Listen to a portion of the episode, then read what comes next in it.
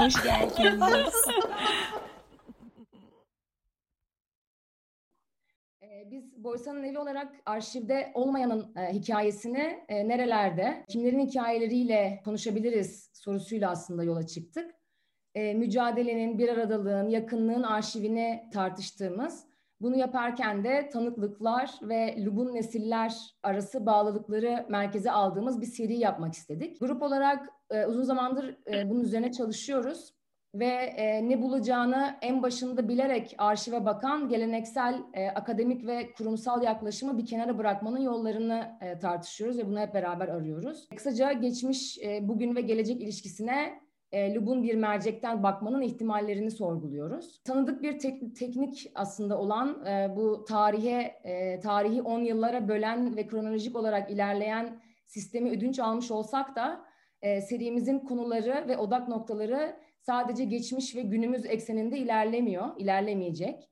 E, şu anda e, hepimizin içinden geçtiği anın da e, bize çok net bir şekilde gösterdiği gibi e, Lubunya'nın tarihi e, ve Lubunya'nın mücadelesi bizlere sadece belirli dönemlerde nasıl yaşadığımızı ve neler yaptığımızı değil, e, dirsek temaslarının, görmezden gelmelerin, yok sayılmanın ve ses çıkarmaktan vazgeçmemenin tarihini anlatıyor. E, ilk etkinliğimiz olan e, 80'lerin Lubunya tarihinde de e, yürütücümüz Eylem Çağdaş, Sevda Yılmaz'ı konuk etmişti. 80'lerde neler olup bittiğine, e, ideal vatandaş kalıbına uymayan birçok grubun farklı şekillerde e, dilsizleştirildiği bu dönemde toplumun e, nasıl militerleştiğini, e, şu anda da hepimize çok tanıdık bir durum olan medyanın e, itibarsızlaştırma ve kriminalize etme stratejileri için e, nasıl kullanıldığını konuşmuştuk.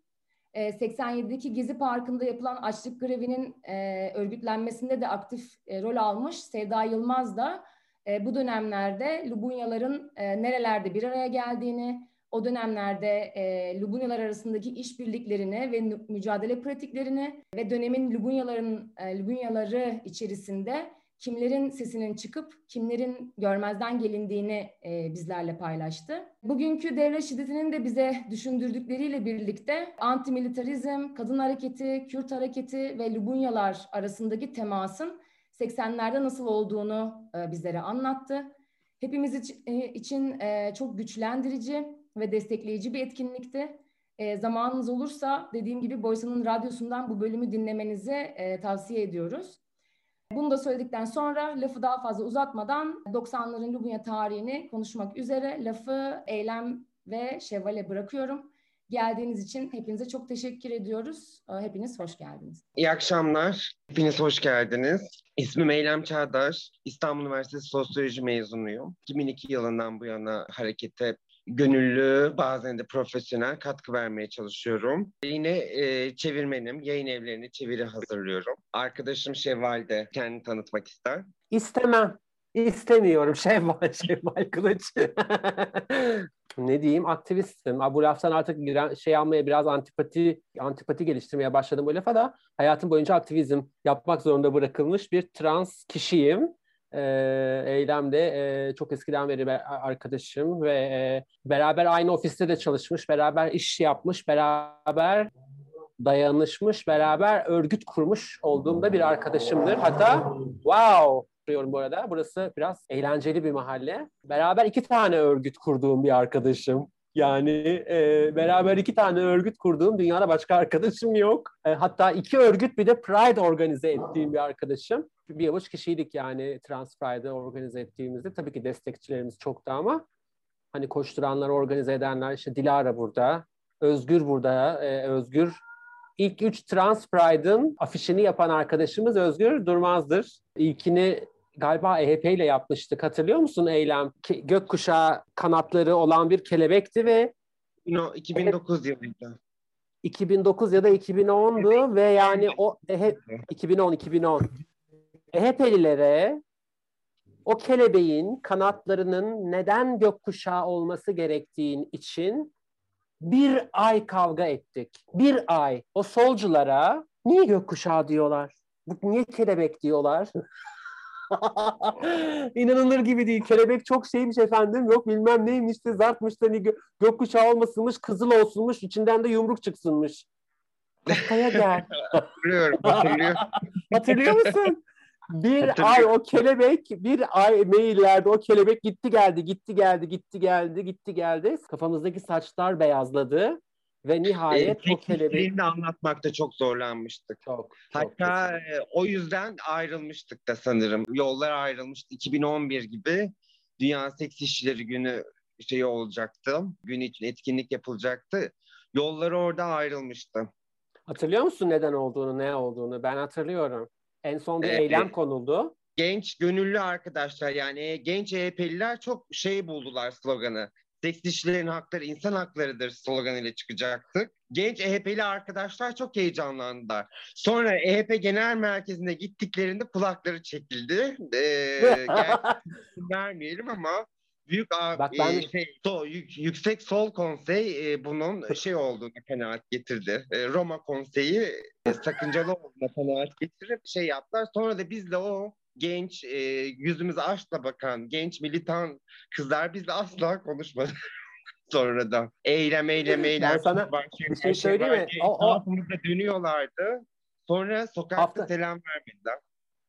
Her hafta sonu eylem koyduğumuz bir dönemdi ve EHP ile ortak eylemler de yapıyorduk. Bazı çok güzel eylemlerimiz de oldu. Mesela ilk Trans Pride'a gerçekten bir sürü lojistik destek de verdiler yani. Biz orada ne bileyim 220 kişi bile olsak biz o Trans Pride yürüyüşünü yapacağız demiştik. 200 kişi askeri nizam zonk diye geldiler mesela orada öyle bir şey de oluşturdular. Ama EHP ile bizim yollarımızı fiziki olarak ayırmamıza sebep olan olay şuydu. Dünya Seks İşçileri İnsan Hakları gününde dediler ki bize biz dediler pardon olur mu 8 Mart'ta ayrıldı abi. 8 Mart'ta biz kadın yürüyüşünü hep yapıyoruz. Genel evdeki kadınları unutuyoruz. Biz bu 8 Mart'ta bir grup kadın genel eve yürüyeceğiz dediler. Aa benim ağzım kulaklarıma vardı. Aa nasıl güzel bir etkinlik. Biz dediler tünelden Taksim'e değil Galatasaray'dan Kerhane'ye yürüyeceğiz. Elimizde güller var, gül vereceğiz. Sizi unutmadık diyeceğiz. Muazzam bir eylem. Benim içimin yağları eridi. Ayşe Tükürükçü de vardı.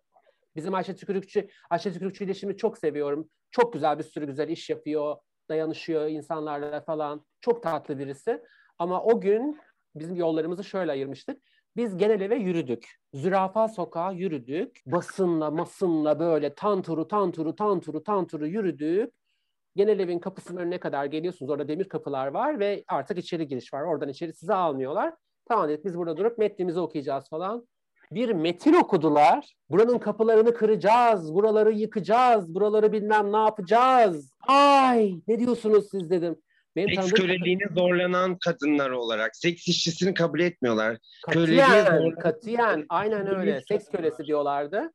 Evet. Benim içeride tanıdığım kadınlar var. Yani uğruna eylem yaptığımız kadınlar beni cep telefonundan aradılar.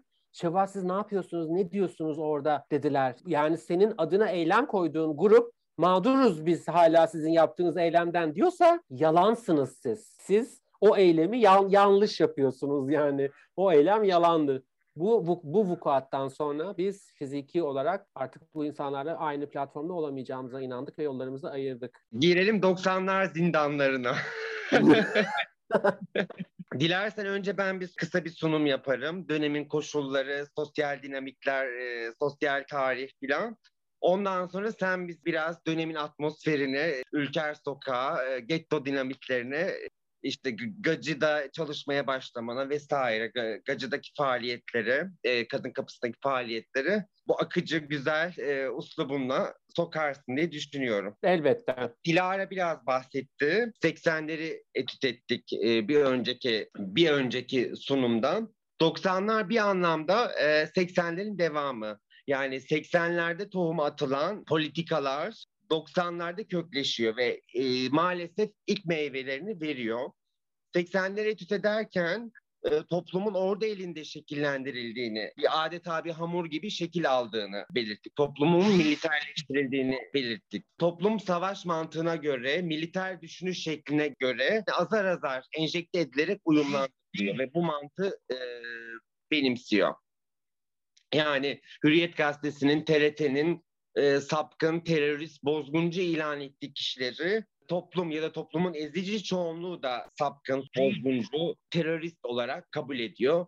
Ki bugünkü adeta devletin en yüksek kürsüsünden, Cumhurbaşkanlığı kürsüsünden dillendirilen sapkın söylemlerin herhalde köklerini bugünlerde aramak lazım. Sosyal hayatta, gündelik yaşamda militer, mafyozo, sosyopatik erkeklik revaçta ve böyle bir erkek olmak adeta böyle olmak. Bu çizdiğim profilde olmak varsayılıyor. Yani Kürtlere, kadınlara, eşcinsellere, azınlıklara, toplumsal iradelere, kısaca topluma yönelik saldırganlığın canlı tutulması gerekiyor. Bu da işte katil e, ruhlu, mafyozo, tecavüzcü, sosyopat erkeklik inşa ederek mümkün. Buna uymayanlar da tabii ki dışlanıyor ve aşağılanıyor. İlla ki LGBT olmak da gerekmiyor. Daha mülayim, vegan ya da vicdan erkekler de bu aşağılamaya, ayrımcılığa maruz kalabiliyorlar. Yine bu militer mantığın kökleşmesi çeteleşmeyi de getiriyor. Çeteleşme ya da dünya literatüründeki ismiyle paramiliterleşme nedir? Devletin açıktan yapamadığı işleri çetelere delege etmesi olarak kısaca tarif edebiliriz. Paramiliterleşmeyi ya da çeteleşmeyi.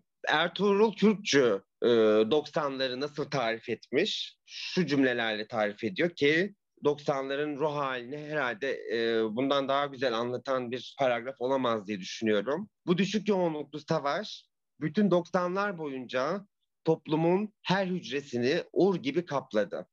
Bugün zehirli etkileri hala eskisi kadar yıkıcı olmayı sürdüren milliyetçilik ve ırkçılık, devlet şiddetinin insani ham maddesini beslemekte vazgeçilmez olan maçoluk, kadın düşmanlığı ve cinsiyet ayrımcılığı, farklı ve aykırı olanı bastırılması için en dolayısız araç olan nefret söylemi, uluslararası dayanışmanın ezilenlerin hak mücadeleleri için yarattığı imkanların önünün kesilmesi için lazım olan yabancı düşmanlığı, yaratıcılık, bilgi ve yeni toplumsal ilişki biçimlerinin içerdiği değişim potansiyeli bastırmak için durmaksızın üretilen, yeniden üretilen muhafazakarlık 90'larda köklendi ve boyattı demiş Gülsüm.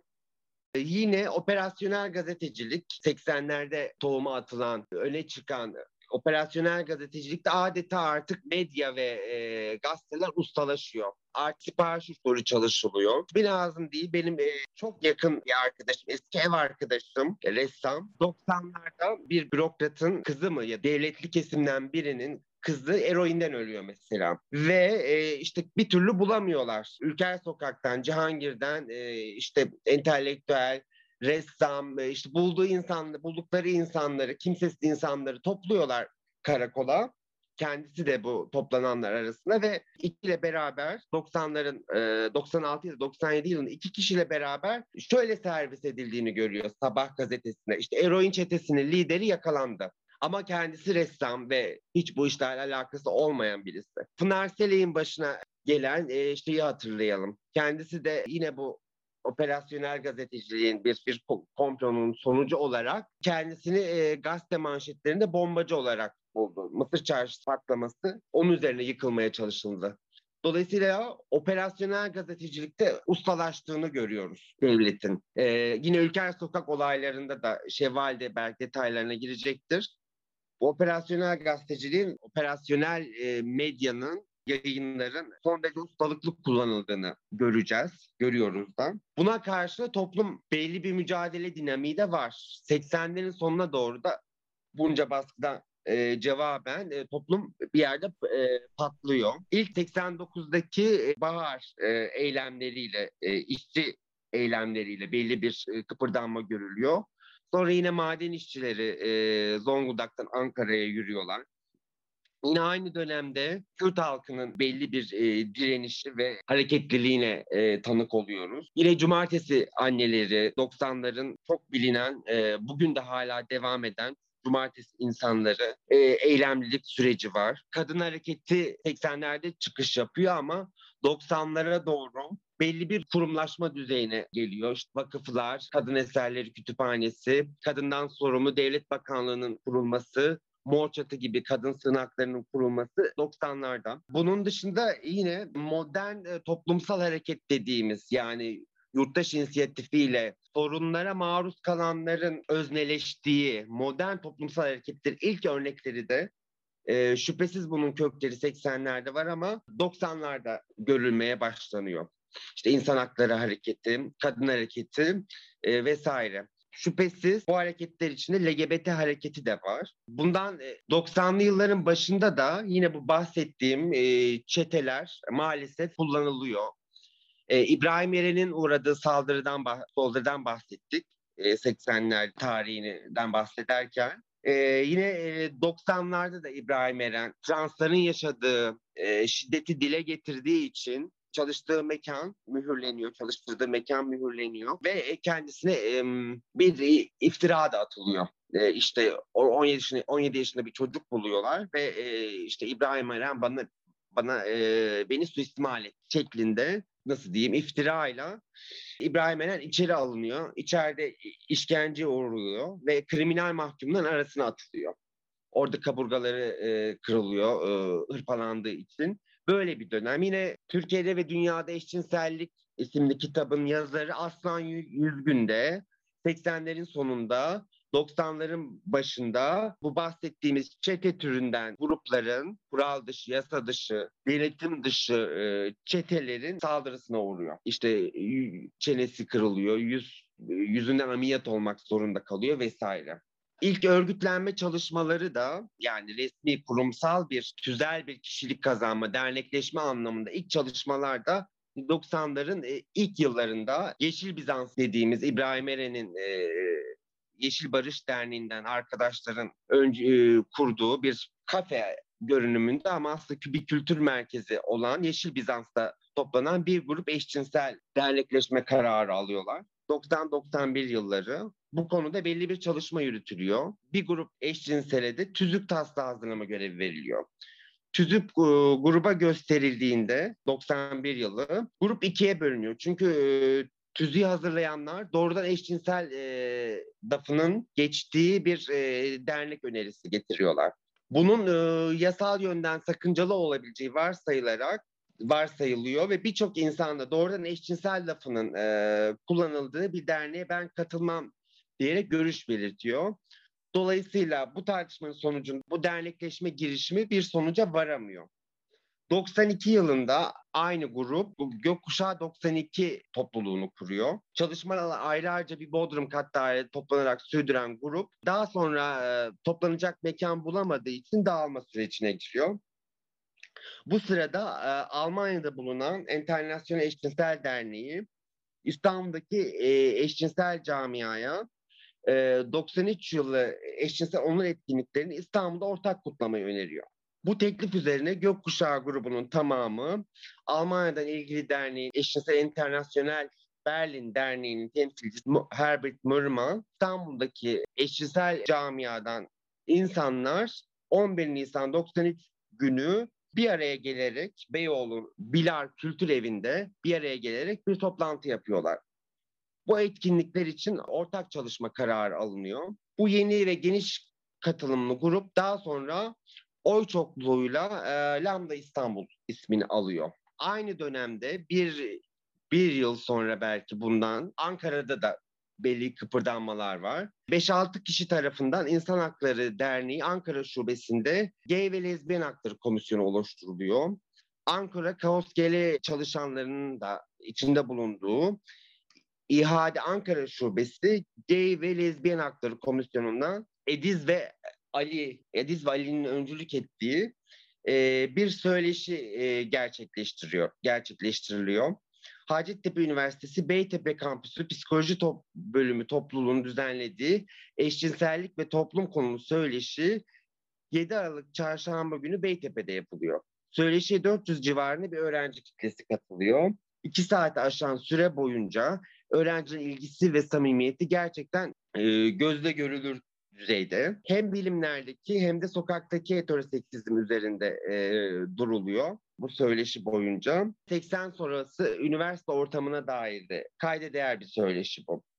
Komisyon yani ihadedik komisyon 95 ilk aylarına kadar sürdürebiliyor varlığını. Bir süre sonra yönetim değiştiğinde de komisyon onaylanmıyor ve Çığlık adlı bülten sona eriyor. İadeden ayrılan aktivistler de Kaos GL o yıllarda ilk sayılarını çıkartmaya başlayan Kaos GL'ye katılıyor. Kaos GL dergisinin kuruluş bildirisinde e, ilk sayılarından birinde şöyle bir ifade var. Çok dikkat çekici. Her türlü mevcut yayında eşcinsellerle ilgili ilgisi, ilgili ilgisiz pek çok şey yazılıp çiziliyordu. Bununla birlikte tamamen eşcinseller için ve eşcinseller tarafından çıkarılan bir derginin olmaması her şeyden önce biz e, eşcinseller için büyük bir eksiklikti diyen e, Ali Erol, Meral Filiz ve Ali Özbaş tarafından 20 Eylül 1994'te Kaos Şanlıyor kapağıyla yayın hayatına atılıyor Kaos GL. Türkiye'nin ilk e, gay ve lezbiyen dergisi kısa süre, kısa süre sonra aynı adlı bir topluluğa dönüşüyor. Ali Erol o yılları şu sözlerle tanımlamış. Üniversitelerde, üniversite dışında birbirimizi bulduk. Eşcinselliğin salt bir cinsel eğilimle ibaret olmadığını, bir varoluş biçimi olduğunu, bu varoluşunda baskılanma ve ayrımcılık dışında toplumda kendisini var etmesi noktasına harekette bir araya geldik ve e, Kaos GL sürecini başlattık. 96 yılları herhalde internetin de yaygınlaşması. E, Birçok birbirinden bağımsız e, grubun kurulduğuna şahit oluyoruz. E, Lambda İstanbul, Venüs'ün kız kardeşleri, İbrahim Eren'in öncülüğünde kurulan e, Çağrı grubu, insan kaynağını geliştirme e, çatısı altında oluşturulan GACı, bölücülere, sömürücülere yer olmayan, özgürlük, eşitlik, üretken, paylaşımcı bir gelecek için bir araya gelen Spartaküs, Bursa kökenli bir grup, biz e, GL, İzmir kökenli bir grup 97'de kuruluyor. İnsanların sadece birbiriyle dostluk kurma amacıyla bir araya geldiği Türkiye Ayıları 97'de bir, bir araya gelen bir grup. Esma'nın öncülüğüyle Lambda İstanbul katılımcısı kadınların oluşturduğu Efemineler, lezbiyen bazlı bir grup. Kendi lezbiyen kimliğini sorgulamak, ataerkil heteroseksist toplumda nefes alabilmek, sorunlarını paylaşmak, birbirlerine destek olmak ve açılma süreçleri birbirinin yanında durmak gibi amaçları olan lezbiyen feminist grup Safo'nun kızları, Legato'nun dağılmasından sonra kurulan ve Legato grupların altyapısını oluşturan eşcinsel kimliği, eşcinsel haklar üzerine düşünceler üreten ve bu doğrultuda eylemler planlayan Gay Ankara, ayı kültürünü anlatmaya çalışan, ayı, ayı ve ayı severlerden oluşmuş Anadolu ayıları, Öteki İzmir gibi çok İzmir bazlı bir grup, dergi çevresi. Öteki İzmir gibi pek çok grup kuruluyor bu dönemde. Ülker Sokak olayları var yine 90'lı yıllardan. Belki Şevval o dönemi anlatmak ister. Ee, ben bahsedecektim ama konuşma çok uzamasın diye üzerinden geçiyorum e, görüldüğü gibi 96 yıllarında bir şey var. Bir e, nasıl diyeyim internet bazlı mail grubu ya da web sitesi etrafında bir dergi çevresinde de olsa internetin de gelişmesiyle beraber toplulukların çoğaldığı görülüyor. Toplulukların çoğalması zamanla bir buluşma yapılması gerektiği fikrini gündeme getiriyor. 7 Eylül e, 1998'de Lambda İstanbul'un ev sahipliğinde Kaos GL, Safo'nun kızları, Spartaküs ve Türkiye'nin katılımıyla bir e, buluşma düzenliyor, dönüyor.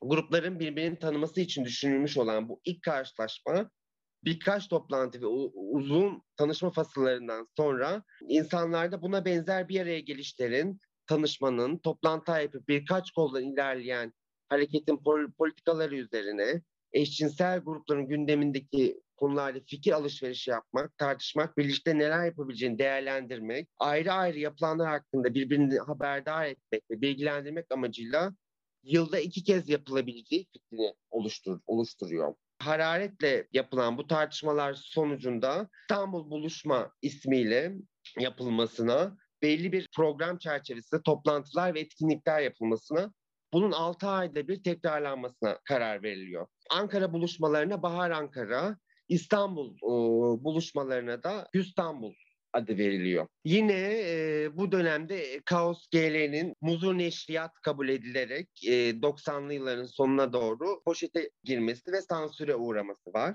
Ben böyle ana başlıkları vermeye çalıştım 90'lara dair. Sizin e, sorularınızla da ilerlemek isteriz. Süreyi de fazla aşmamak adına sözü Şevval'e bırakıyorum. Eyvahlar olsun. Bacım sen hazırlanmışsın. E böyle metinler falan tabii sosyolog olmak bunu gerektirir. Ben asla öyle bir şey yapmayacağım. Sema teyzeciğim hoş geldin. Seni çok özledim. Muah! Ama şimdi ben biraz edepsiz konuşacaktım. Sen olunca konuşamayacağım. ay, ay konuş ayol. Olur mu öyle Asla şey? durdurmayacağım kendimi Özgürlük tabii ki. var. Aynen öyle. Ee, ya e, ben çok sıkıldım Ülker Sokak falan anlatmaktan tabii ki. Ülker Sokak'la ilgili mesele olduğunda da mikrofonların bana dönüyor olmasından şu cemaat-ü lubunun huzurunda bıkkınlığımı bir kere daha dile getirmek istiyorum. Ama tabii ki hafıza aktarımının önemli olduğunu inandığım için dilimdeki tüy bitene kadar saçlarımı beyazlattığınız lubunyalar anlatacağım. Bunu tabii ki bir görev ediniyorum ama sonlara yaklaşıyoruz söyleyeyim. Çünkü bunun bir romantizmine de kaçıyoruz. Yani Ülker Sokak romantizmine de kaçıyoruz. Çünkü son örnekti. Ee, Bayram Sokak var tabii. Bayram Sokak'ın yapısı biraz daha farklı. Bayram Sokak insanlar gidip çalışıp tekrar evlerine gidiyorlar. Bir iş yeri gibi, genel ev gibi. Ee, mesela ama Ülker Sokak'ta biz aynı zamanda yaşıyorduk da. Dolayısıyla oranın bambaşka bir manası daha var. Yani orası bizim evimizde, yurdumuzdu falan filan. Ben de 1990 yılında, ben İstanbul çocuğuyum. E, Bakırköylüyüm, İstanbul'dayım ve dolayısıyla 1990 yılında Selçuklarla, İlkerlerle falan beraber tanışıp ilk 1990 yılında Yeşil Bizans'a gitmeye başladım ve orada sosyalleşmeye başladım. Demet Demir'le de orada tanıştım. Bir sene sonra Demet'le beraber yaşamaya başladık Ülker Sokak'ta. Çok uzun süre anlatmayacağım Ülker Sokak'a penis ve erkek bedeni üzerine katılımcı gözlemci hedonistik araştırmalar yapıyordum diyelim. ee, neyse ama orada birkaç tane highlights'ını size anlatacağım tabii ki. Ülker Sokak'ta olup biten birkaç tane çok önemli bir şey vardı. Şimdi oradaki tabii ki direniş ve ilk örgütlenme örneklerini ilk defa orada yaşadım ama bu böyle hani bizim şu anda alıştığımız e, dernekler üzerinden işte hani nasıl söylemeliyim? E, örgütlü bir kurumsal bir örgütlenme falan değildi yani dert vardı, baskınlar yapılıyordu, kapılarımız kırılıyordu ve biz de burada sesimizi çıkarmaya çalışıyorduk falan. Kürtlere yönelik saldırılarına ilk başladığı yıllarda Kürt Özgürlük Hareketi'nin tabii ki daha önce de başlamıştı da yani etkinliklerin, eylemlerin olmaya başladığı yıllarda 92'ler, 93'ler falandı. Kapımızı kırmıştı polis ve e, yani Ülker Sokak'ta yapılan şey en açık tabiriyle fuhuştu. Seks işçiliği icra ediliyordu. Kayıt dışı seks işçiliği. Yani bugün e, Levent de paylaştı bu e, Boğaziçi'lilerin hatırlıyor musunuz? Kapıyı kıramamışlar, kapının etrafındaki duvarı kırmışlardı. Aynı manzara Demet'in evine yapıldı. Ben Demet'in köpeğini gezdiriyordum. Sokağa döndüğümde birkaç saat sonra sokağa döndüğümde polisler vardı ve korktum. Hemen Demet en üst katta yaşıyordu. Paldır paldır paldır paldır yukarı kaçtım. Beşinci kata arkamdan da böyle bir grup polis girdi. O zamanlar ki polis ekipleri Ford minibüslerdi. Bu Doblo'lar falan gibi değil. Koca koca minibüsler vardı ve bütün sokak kaplıydı bunlarla. Arkamdan bir grup polis geldi ve ben Demet'in katına, evimizin katına çıktığımda Demet'in demir kapısını kıramamışlardı fakat etrafındaki duvarı kırmışlardı. Böyle teller, dolapları, rocks. Bu sesleri duyuyorsunuz siz de değil mi? Run, run, run. Hep getto kızıydım, hep getto kızı olarak kalacağım. Neyse aklım çıkmıştı yani bu ne vahşet yani. Sonuçta orada yapılan şey kayıt dışı fuhuştu kardeşim yani. Bomba imalathanesi değil de orası ya da ne bileyim nükleer silah bir şeysi değil de orası yani. Orada yapılan şey birilerinin bir araya gelip sevişmesiydi yani. Çünkü ham bir faşizm yani nasıl insan hakları gelişiyor, biz gelişiyoruz, insan hakları savunucuları, LGBT hakları vesaire vesaire gelişiyor. Faşizm de gelişiyor. O yıllardaki faşizm daha ham bir faşizmdi. Daha primitif örneklerini gördünüz. Böyle insanları değneklerle ittire kaktıra, işte saçlarının kesildiği, trenlere bindirilerek şehir dışına gönderildiği. Ya ne yapıyorsun şehir dışına gönderiyorsun? Kara fatmalarla falan böyle mücadele edilir. Hani yuvasına bir şey ilacı koyarsın da bir daha oraya geri gelmesinler falan diye. Ya da ne bileyim böcekle mücadele eder gibi ya da neyse işte anladınız siz başlığı. Böyle bir yıllardı yani. Şimdi mi daha iyi, şimdi mi daha kötü, o zaman mı daha iyi, daha mı kötü? Vallahi bilmiyorum. Yani hangisi daha iyi? Mesela tabii ki çok katı bir faşizm vardı. Sokağa iki kız aynı anda çıkılamayan yıllardı. Yani bir eve misafirliğe gittiğimizde kızlar teker teker evden çıkardı. Üçümüz beşimiz bir arada çıkamazdık. İki tane transın yan yana yürümesinin alınma sebebi olduğu yıllardı. Direkt teşhis edilirdiniz. Fakat buna rağmen her trans disko topu gibiydi. Topuklu ayakkabı giymeyen yoktu. Herkes Safiye Soyman'dı inanabiliyor musunuz? Diskotek gibiydik herkes yani. Bütün görkemiyle e, translar kendilerini en istedikleri şekilde de ifade ettikleri de bir zamandı bir taraftan. Hani topluma uyacağım, ay, asimile olacağım ya da işte görünmez olayım, dikkat çekmemeye çalışayım gibi bir dert yoktu mesela. Bu da bir e, gösterge benim için. Kapımızı kırdılar ve e, alındık. Bir al, bir gözaltına alınma da böyle 3-4 gün, 5 hafta, 5 gün, bir haftaya kadar uzayabilen bir seremoniydi. Yani bazen ahlak alıyordu sizi, bazen bilmem ne alıyordu. Can kurtaran Zürriye Hastalık Hastanesi'ne götürüyordunuz. Damarınıza girip kanınızı alıyorlardı size sormadan vesaire vesaire vesaire vesaire. Ve biz bir, bir basın toplantısı yapmak istedik. Eren Keskin'le iletişime geçtik. Eren Keskin burada basın toplantısı yapabileceğimizi söyledi o zaman o yıllarda yani ne kadar sol bir sürü radikal örgütler, e, insan hakları vesaire vesaire varsa e, bunu kabul eden maalesef olmadı. Transların e, bu saldırılara maruz kalmasıyla ilgili seslerini duyurma, duyurabilecekleri mecra sunan, mecra sunabilmeyi göze alabilen yoktu. Sıfır. Gaz, peşimizde gazetecilerin koştuğu, o e, Savaş Aylar'ın Demet'in evine gelip kamp kurup işte de kılık değiştirip ya işte bir trans olarak nasıl bir gece geçirdim gibi fecaatler fecaati belgeseller yaptığı dönemlerde bunlar bile bizim yüzümüze bakmamıştı. Bir tek Eren Keskin bize İnsan Hakları Derneği'ni kullanabileceğimizi söylemişti. Gittik. 40 40 kız gittik. Hepimiz giyindik, süslendik, har har har metin hazırladık falan. Basını çağırdık kimse gelmedi. Yan odada da Kürt köyüne saldırı olmuş. Orada Kürtler seslerini duyurmaya çalışıyorlar. İçeride 150 bin tane insan var. Bir tanesi bile bize gelmiyor. Çünkü kimsenin umurunda değil yani. Kapımızı kırmışlar. Olağan bir şey. Çok olağan bir şey yani. Biz panikledik Demet'te ne yapacağız ne edeceğiz falan diye. Neslihan Yargıcı vardı o seneler siyah giyen bir modacı vardı. Simsiyah giyiniyordu sürekli. Siyah ruj vardı her tarafta. Benim aklıma Gittik hemen e, e, şarküteri diyecektim ayol. Bijuteriden iki tane, üç tane siyah ruj aldık. Bütün kızlara suratlarını siyaha boyattırdım ben. Bu bizim devletin yüzümüze vurduğu bir kara lekedir diye orada dramatik bir giriş yaptım ben. Yani bir e, ucubeye döndük hepimiz tabii. Suratlarını siyaha boyamış 40 tane trans. Bence görsel değeri olan bir şeydi. Nitekim bütün o gazeteciler oradaki işleri bitince hepsi bizim odamıza geldiler ve e, biz sesimizi bir şekilde duyurabildik. Polisin fuhuş ihbarı alınan yerlerde kapı kırma yetkisi yoktur dedik ve o kapı kırmalar bir süre için durdu. Kapı, kırm kapı kırmıyorlar. Mesela bu Mesela bu yüzden, sırf bu yüzden bile Eren Keskin benim hayatımın sonuna kadar kahramanım olarak kalacak bir kadındır. Kimsenin gösteremediği cesareti çok kritik bir anda gösterebildi o kadın ve bizim yanımızda durabildi. Bu ne böyle hani erkekliğiyle şeyiyle övünen ya da işte demokratım, solcuyum, ay devrimciyim falan filan diyen neler gördük. Ee, ama kimse böyle bir cesareti, böyle bir hak aramanın önündeki çok haklı bir action'ımızı yanımıza durmadılar yani. 96'ya kadar böyle geçti tantana tantana, çok çok çok çok çok.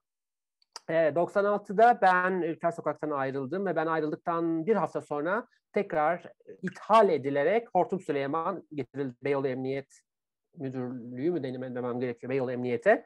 ithal edildi yani. Daha sonra o ithal edilme olayını eylem de bilir. E, başka bir amir daha getirildi. Kızlara şeyi icat etti. Kızlara ceza yazma şey e, kabahatler kanununu e, o da o da ithal edilmişti. E, Hortum Süleyman'da. Çünkü Hortum Süleyman benden önce de tekrar Beyoğlu'ndaymış. Bu asıl pürtelaş olayları işte kızların o Ford minibüsleri ters çevirdikleri, üzerine havalara tüp gazların falan atıldığı kavgalardan bahsediyorum.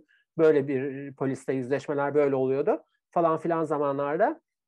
Tekrar Hortum Süleyman getirildi. Tabii bizim sokağa bir taşınan bir kadın vardı. O kadın bir bina aldı. Tam benim karşımdaydı o kadının binası.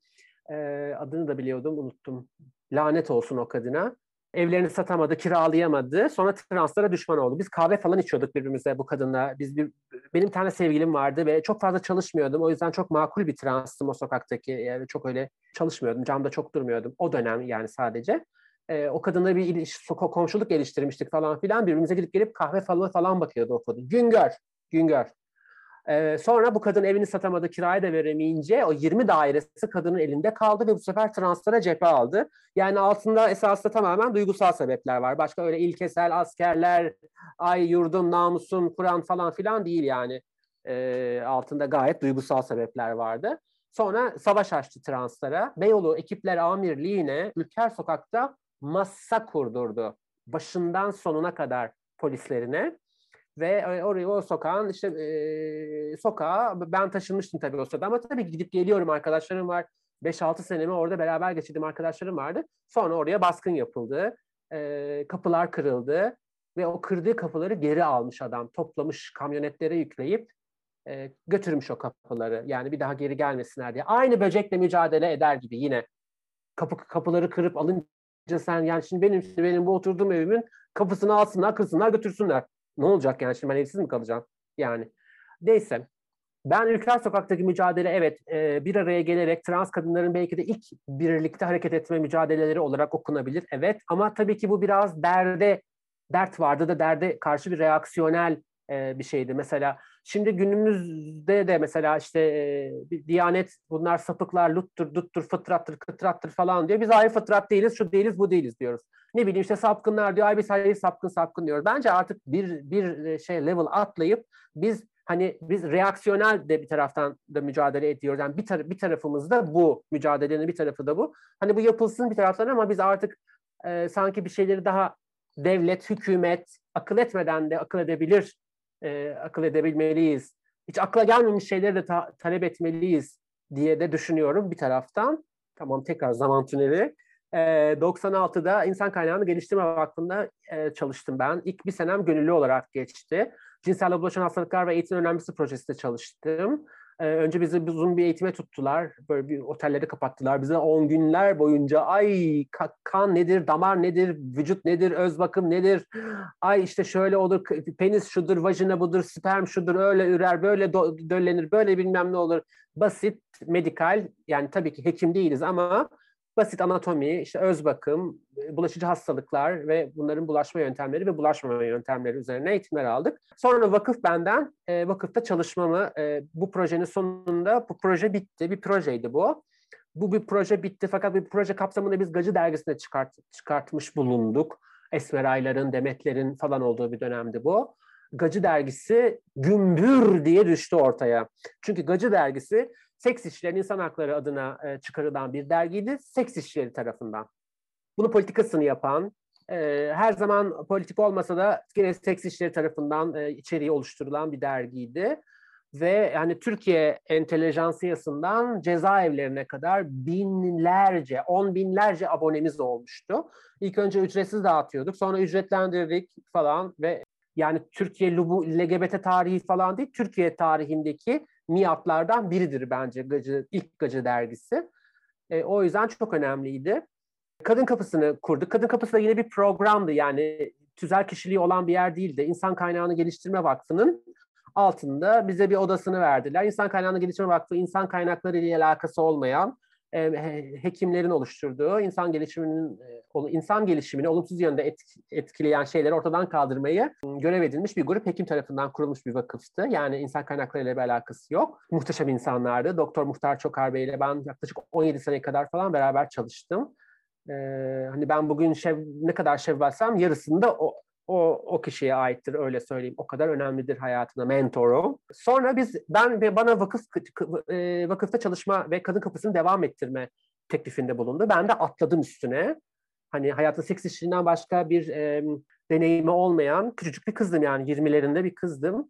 Ama e, şeyim o yöndeydi yani e, bir kere seks işçiliğini e, şöyle romantize edemeyeceğim Hani işte e, politiktim veya seks işçiliğini bıraktım falan. Hayır hiç öyle bir şey değildi. Seks işçiliğini ben çok tembel olduğum için bıraktım. Seks işçiliği düşünüldüğü gibi yattığın yerden para kazanmak değil, ağır bir işçiliktir arkadaşlar. Bedensel performans isteyen bir şeydir ve yorulursunuz günün sonunda. Hele hele Ülker Sokak gibi günde 100 fiş, 140 fiş genel ev gibi potansiyeli olan bir yerden bahsediyorsak hani ben bir escort kız değildim birisiyle çıkıp gecede bin dolar alan bu da bir seks işçiliğinin bir kolu. Ama bizim çalıştığımız seks işçiliği formatı genel ev gibiydi. Sürümden kazanıyorduk ve günde çok adette insanla kalıyorduk. Yani fizikseldir işte. Tembel olduğum için bıraktım seks işçiliğini. Benim şeyim bu. Benim e, gerekçem bu açıkçası. E, vakıfta çalışmaya başladım gacı devam ediyordu. Kadın Kapısı da bir sürü örgüt mesela o zamanlar emekçi kadınlar EKB vardı. Onlar bizimle görüşmek istediler. Aynı işte hani bugünün terfleri gibi ya da ya da ilk terfler diyelim ya da ilk swerfler diyelim. Aynen. Sex workers, exclusionary, radical feminist. Ay bunu da bu kafayla söylettirdiniz bana. Neyse.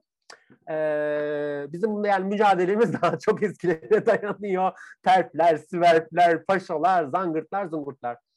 Kadın Kapısı da e, hayatımda en önemli, benim gelişimim için, e, yani kişisel gelişimde en önemli yerlerden biriydi. Orada oldum diyebilirim. E, biraz daha dünyaya politik bakabilme, işte bunun biraz daha doğru şeyler, doğru şekilde kanalize etme, bunun demokratik yolları, daha farklı demokratik yollarını arama, hani daha militanca değil, daha sonra eylemlerle, demetlerle e, hem hal olduktan sonra öğrendim. O zamana kadar daha uslu bir kızdım.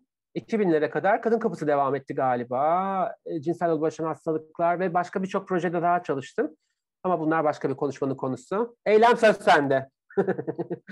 Kadı Kapısı'ndan bahsedince ben 2000'li yıllara döndüm. Neredeyse benim de Kadı Kapısı'nda çalışmaya başlamam çok benzer bir hikaye. Ben de bir yıl kadar e, şeyi aşındırdım. Muhtar Bey'in kapısını, Şevval'in masasını, e, kadın kapısına geldim gittim. Ben de 6 ay kadar gönüllü çalıştım. Ben de 2005'ten 2012'ye kadar, 2012'ye kadar her şeyin başımıza çöktü. 2012'ye kadar çalıştım. Bir dönem hatta ailemden çok her gün Şevval'i görüyordum. Derin ve Asuman vardı. Onlar da kadın ses kişiliğine yönelik olarak çalışıyorlardı. Onları görüyordum. Her gün belki sokağın gündeminin nabzını tutma şansımız oluyordu o ofiste, Galatasaray'daki ofiste. Her gün analiz ediyorduk belki. Toplumun nabzını tutma şansımız oldu ve orası da bana gerçekten nasıl ki şeval dedi, beni şeval yapan yerlerden biridir. Benim içine çok ciddi bir e, nasıl diyeyim e, eğitim ocağı, bir tekkeydi. Biz Yaşayan... bu şeyler o zaman o senelerde mi oluyordu ya? Hani bu e, kabahatler kanunu ile ilgili sürekli dilekçe yazar hale gelmiştik tabii, bir ara. Tabii. Tabii. Sen bir ara bayağı yazmandın yani çakara çakara çakara çakara. aynen aynen. 2010-2011 arasında 2012 hatta sürekli şey yazıyorduk. Her tür dilekçeyi yazabilecek konuma gelmiştik. ben de birçok şey e, olumlu anlamda tetiklenmiş oldu. E, soru cevap kısmına geçebiliriz herhalde. Etkileşimli 90'lar, bir... 90 90'larda da anlatacaklarım vardı ama benim daha çok 2000'lerde anlatacaklarım var ya. 90'lar ne ayrıca ya? Benim 2000'le ben 2000'lerle bunyasıyım. 2000'lerde çok tantana oldu yani. Var. Yine e, çıkarırız seni kürsüye aşkım. 2000'lerde de konuşurum. Evet ya, evet 2000'lerde anlatacak daha çok şey var. Yani İstanbul LGBT var. Dur şimdi bir İstanbul LGBT dar sayfasını açalım. 2000'lerde Gezi var, Zart var, Zurt var, Kırt var yani. Bir, bir sürü tantana var. Transpride var.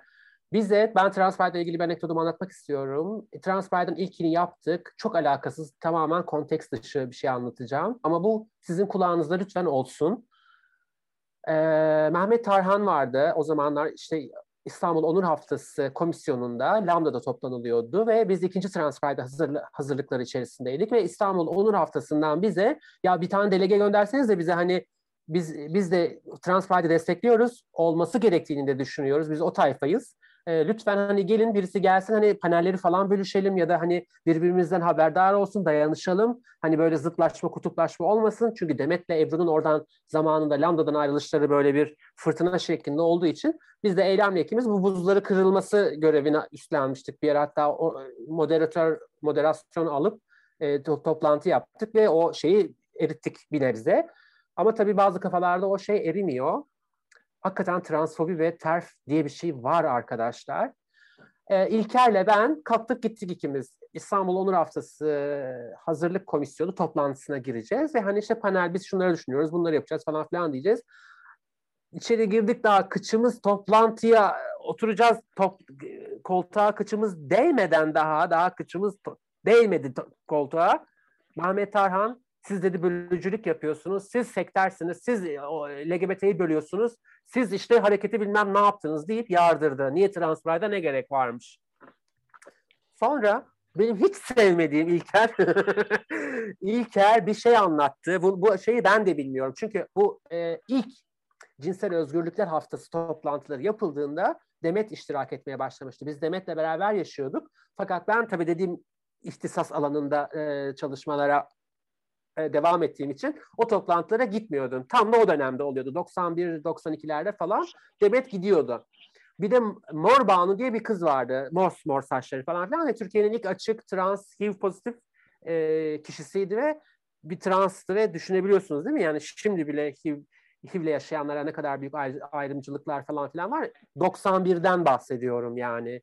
E, korkunçtu ve bu kadına ha e, siz siz ayrımcılık siz bölüyorsunuz yol yol yollara yollarımızı ayırıyorsunuz zorla falan filan gibi bir şeyle bize itham edince Mehmet Tarhan İlker'de bu anıyı anlattı ve o gün yine böyle sizin gibi birkaç gay arkadaş vardı dedi o toplantıda ve Banu'ya sen hem HIV'lisin hem seks işçisisin bizi kötü gösteriyorsun sen artık bu toplantılara gelme dendi dedi. Yol o zaman ayrıldı da dedi.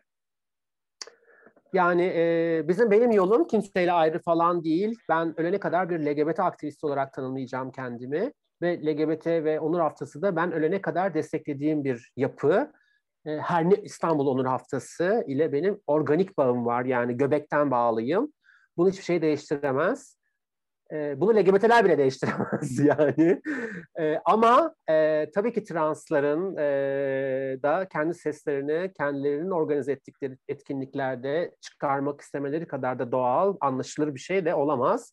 Bunu anlamayan insanların da bence kendi e, şeylerini, kendilerini sorgulamaları gerektiğini düşünüyorum. Teşekkür ederim. Ben şeye takılmıştım. Eylem sanırım İbrahim Eren'le ilgili e, ona bir iftira atıldığından bahsetmişti e, bir taciz olayıyla ilgili. Evet. Hani bu nasıl açıklığa kavuşturuldu? E, çünkü hani taciz önemli bir konu sanki. Hani kafamda açıklık kalsın istemedim açıkçası. Hani İbrahim evet. Eren'le ilgili de birkaç bir hikaye dinledim son zamanlarda. O yüzden kafamda böyle e, çok temiz bir insan olarak kalmadı. O nedenle bu konuyu merak ettim.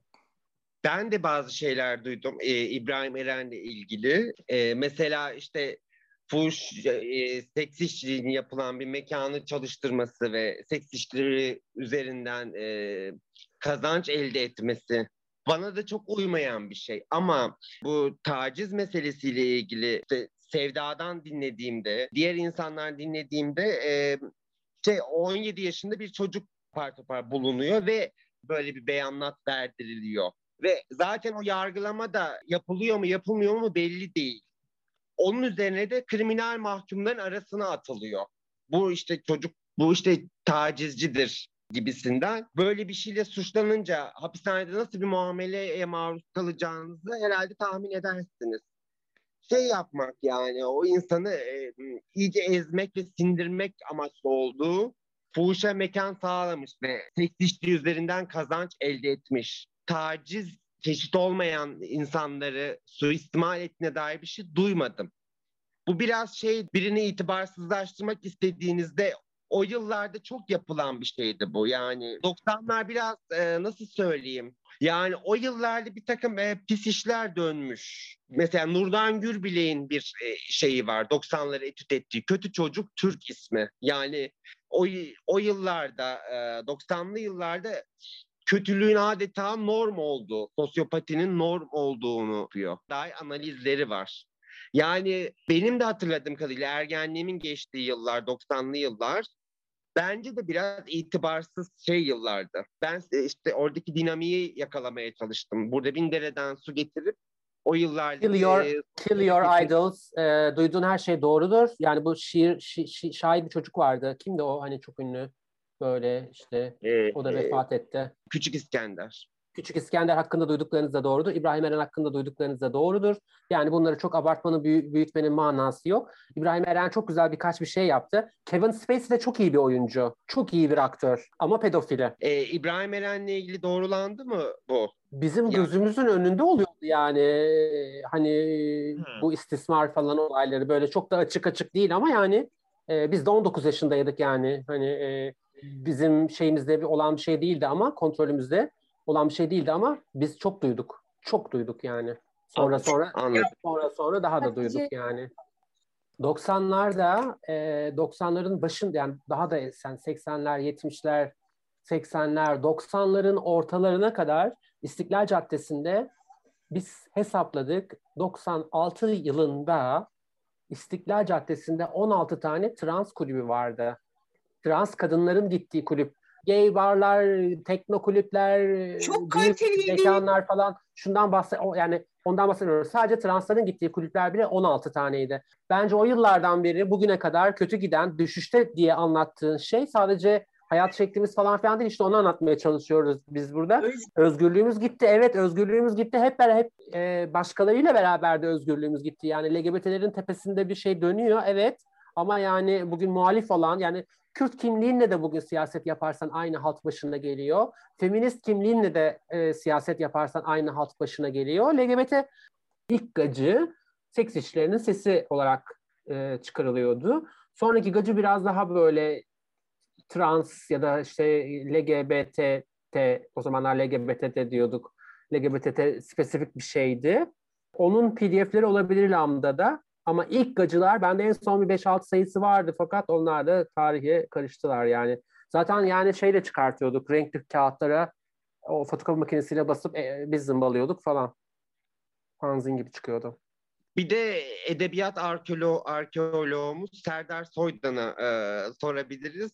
Onda da olabilir diye tahmin ediyorum. Çünkü benim bir yazımı göndermişti bana 2000'lerin başında. Sen bu aralar de... Serdar'la fena fingir diyorsun. Gözümden kaçmıyor değil. e, yalnız bırakmayacaksın. Bu geçen e, 80'lerde konuşurken Eylem'in söylediği e, ve yap söylediği çok önemli bir nokta vardı. Gettolardaki bir aradalık halinin çok romantize edilmemesi e, gerektiği üzerine. E, çok üzerine düşünmemiz gerekiyor, konuşmaya da devam etmemiz gerekiyor gibi geliyor yani bu seri boyunca. O yüzden bunu tekrar hatırlatmak istedim. Şey var mıydı? Daha deneyimlinin, e, yaşlı olanın, e, şey olanın gençleri sömürdüğü Kezban, mesela Kezban tabiri var. Bu aslında gayet sömürüldüğünü. E, ya ben benim Ülker Sokak'ta benim Ülker Sokak'ta şahit olduğum hani annelik anneler falan deriz ya hani bir daha e, tecrübeli ve şey olan yanında kız alır falan. Ben bu anneliğin doğru düzgün yapıldığı son jenerasyonum. Yani Demet gerçekten bana annelik yaptı mesela. Bizim apartmanın suyu kesikti. Beni hamama götürüp yıkıyordu falan kadın yani. Yemeği yemek yediriyordu. Beni bir sene çalıştırmadı. O çalıştı ve baktı bana. Kızı gibi yetiştirdi. Sokağa anlattı. Lubunca bilmiyordum. Kole almayı bilmiyordum. Adamları bilmiyordum. Servisi bilmiyordum. Hiçbir şey bilmiyordum yani. Şımarık bir çocuktum yani. Demet beni sömürmeden tekrar söylüyorum hiçbir şekilde maddi manevi sömürmeden bana annelik yaptı ve e, bana her şeyi öğretti. Yani ama en sonki yıkımda da gördüğümüz bazı te- te- terör yapıdaki Lubunyalar orada da terör estiriyorlardı. Ee, yani o dediğin şey doğru. Ya getto candır ama yani sadece gettolara sıkıştırılmak da bence haksızlık gibi bir şey. Ama mesela Ülker Sokak'ta 100 kız vardı ve HIV'in patladığı zamanlardı. Biz Ülker Sokak'ta, benim ben 6 sene Ülker Sokak'taydım. Biz HIV vakasına rastlamadık. Bir tane şiddet vakasına rastlamadık. Çünkü yani 100 tane kızın olduğu bir yerde kavga çıkaramazsın. 100 tane transın olduğu bir yerde işit bile korkar. Yani ben korkardım mesela. E, bir şey vardı ayol bir ara kimdi onlar? Emine Bulut muydu? Atıyorum uyduruyorum şu anda. Hani böyle şey Jedi gibi giyinen bir tarikat mı ne vardı? Şey, e... Aciz mendiler aciz mendiler Ülker Sokak'ta Pride yaptılar. Yani bir gün geldiler ellerinde değnekleri var onların. Moses Asa, gibiler, Musa gibiler. 5-6 tanesi geldi. Ve biz gündüz vakti çalışıyoruz falan. Bunlar geldiler, sokakta yürüdüler, dualar okudular. Güm, güm, güm. O değneklerle yere vurdular ve gittiler falan yani. Çok ürkütücüydü. Hayat memat meseleleri yaşanıyor ki şeyi o konu bile olmamış tabii. E, Mendiler geçti. Bugün olsa derdik hani Mis Sokağı şeyler bastı, cübbeliler bastı falan filan Ki, derdik. Gerçi Mis Sokağı'da şeyler bastı biliyorsun işte o. Evet yani, bastı. 8 Mart sonrası bastılar. Trans Pride'a da geldiler. Yani Mis Sokak'ta yapılan o Trans Pride'a Kıvılcım'ın e, basın evet, metnini evet. okuduktan sonra yumruklandığı şeyde biz tam o şeyin oradaydık. O köşedeydik yani Mis sokağın sonundaki köşenin orada 20 kişi, 20 kişi iki tane. Bayağı Hizbullah da onlar yani. Kırmızı kırmızı sakalları vardı ve asla göz kontağı kurmuyorlardı ve onlar böyle hani e, o ülkücü tayfa falan gibi ülkücüleri aldırdı. Onlar e, e, literatürde e, paramiliter dediğimiz vurucu tim dediğimiz şey. Ev, kelleci, halk arasında kelleci denen. Aynen öyle. Çok ürkütücüydü. Hayatımda gördüğüm en ürkütücü manzaralardan biriydi yani o benim. Ben de paramiliter kelimesiyle tanıştım. o, o, Sen bizi de tanıştırdın bu arada. ya şey çok iyiydi. Cihatçı görmüş olduk. O, Evet, 2016 aydıydı. Cihatçı gördüm ben de yakında. Aynen öyle. Aynen öyle. Dernekteyiz işte e, bir sürü şeyler yapıyoruz. Haftada bir eylem koyuyoruz ya Galatasaray Lisesi'nin önünde. Dernek dernek dolaşıp megafona pil parası dilendiğini bilirim ben. Yani 8 tane pil alıyor. O lanet olsun o şey megafona ters koyuyorsun, düz koyuyorsun, ötmüyor bir şey oluyor falan. Neyse. Bir gün telefonlara ben bakıyorum. Birisi aradı bizi. Ebru'yu soruyor, Demet'i soruyor falan. Biz işte bilmem ne bilmem neredeniz. Yürüyüş Okey. dergisi ismi. Yürüyüş dergisi, bravo. dergisinden İşte Ben şu anda vardım. yani bu konuşmayı yaparken yanımda olman yani zaten bu konuşmayı yani bu anıyı senin olduğun bir yerde anlatmak istiyorum. Çünkü benim hafızam bölük pörçük. Sen çok orada sen vardın, Hilmi vardı, Ebru Demet vardı bu toplantıda çünkü. Bunlar bizden randevu aldılar. Ben de gayet doğal bana geliyor. Fakat Demet ve Ebru içinde bu infial oldu. Bunlar randevu almazlar diyor. Bunlar gelip basarlar diyor. Şimdi nasıl Ama bir... yarı baskın gibiydi yani. Tabii, Tam bir baskın tabii. değildi. Ama zaten şey- zaten gelenler böyle bir dişisi bir erkeği yeşil haki ceketli iki devrimci profil geldi derneğe. Karikatürünü çizsen onları çizersin. 70'lerden kalma solcu devrimci. Ama terf, sverf, hafif faşo, faşolukları da var yani birçok anlamda. Maço, Aa, faşo. maço, eril, homofobik. Eh, neyse. Geldiler, oturdular. Önce bu şeyi anlattılar. İşte sizin bu yaptığınız e, yaptığınız çok yanlıştı. Bütün platformun dağılması şeydeler hala. Saldırıdalar, ithamdalar. Demet'e yürüyor, Ebru'ya yürüyor falan. Meğerse bu kadın sonra o dergide, ne dergisiydi Bibla? Ter, Yürüyüş. Yürüyüş, Yürüyüş. dergisinde yazı yazıyor. Yazıda şu. Eşcinsellik Amerikan kapitalizminin zevke indirken 8 sayfa bu arada yazı. 8 sayfa Şey- şunu yazıyor. Diyor ki değil. dur dur. 8 dur. sayfa şey. söyleyeceğim. diyor ki eşcinsellik diyor. Şimdi burada bu kadar Lubunya var. Hiçbiriniz siz bilmiyorsunuz eşcinselliği. Siz zaten yoksunuz da. Diyor ki Amerikan kapitalizminin aşkı sekse indirgemesidir diyor. 8 sayfa boyunca.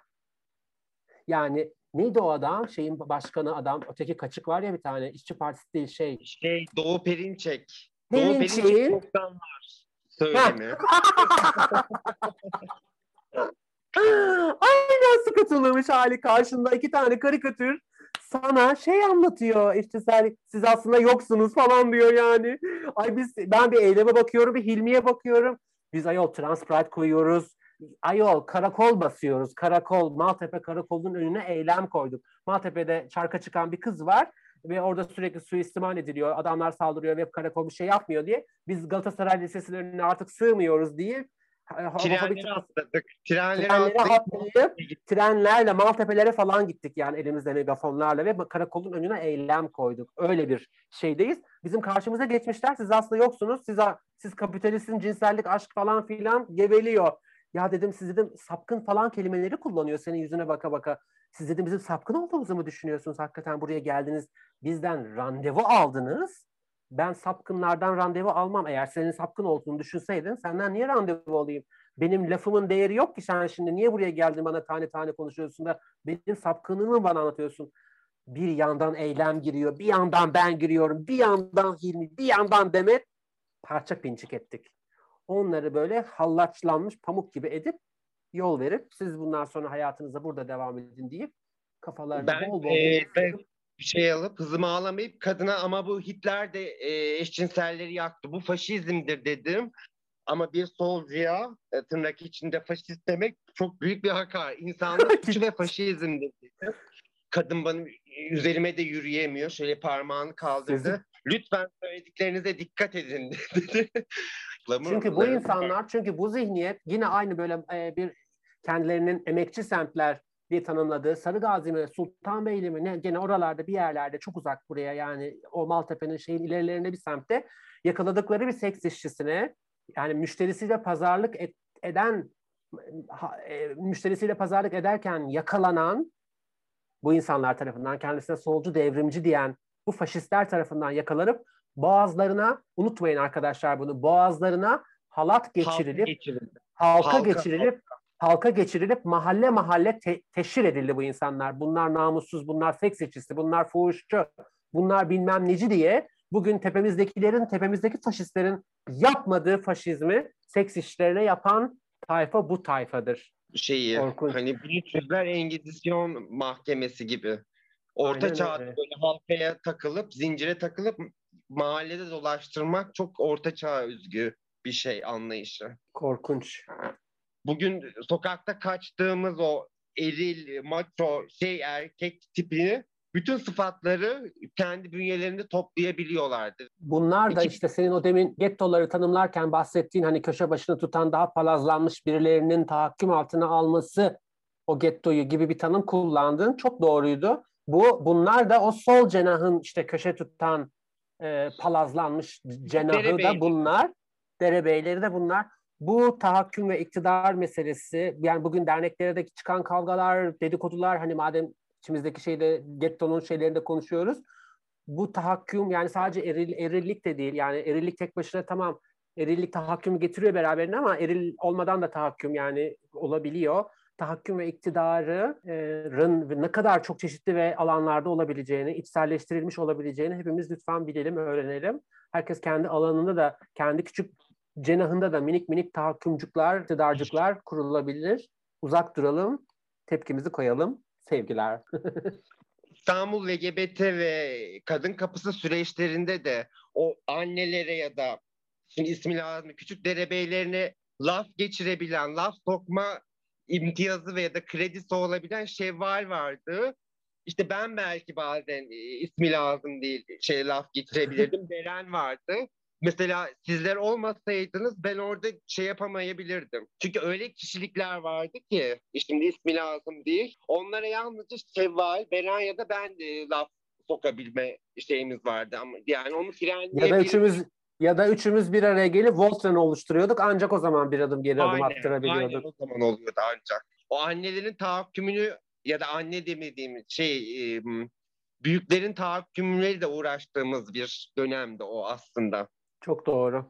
Çok doğru. Bunun çok kötü örneklerini de gördük. Yani biz orada hadi neyse başa çıkabildik ya da işte ne bileyim ben bütün bu yaşanan kötülüklerin, bu kavgaların, derneğin dağılmasının bile bir tür ucuz kurtulma olduğunu düşünüyorum artık. Bir kız intihar etti. Ee, bu kız e, Boğaz Köprüsü'ne giderken video çekti ve beş dakika sonra kendini Boğaz Köprüsü'ne aşağı attı. Bu kızın işaret ettiği o kadın da birkaç sene önce öldü biliyorsunuz.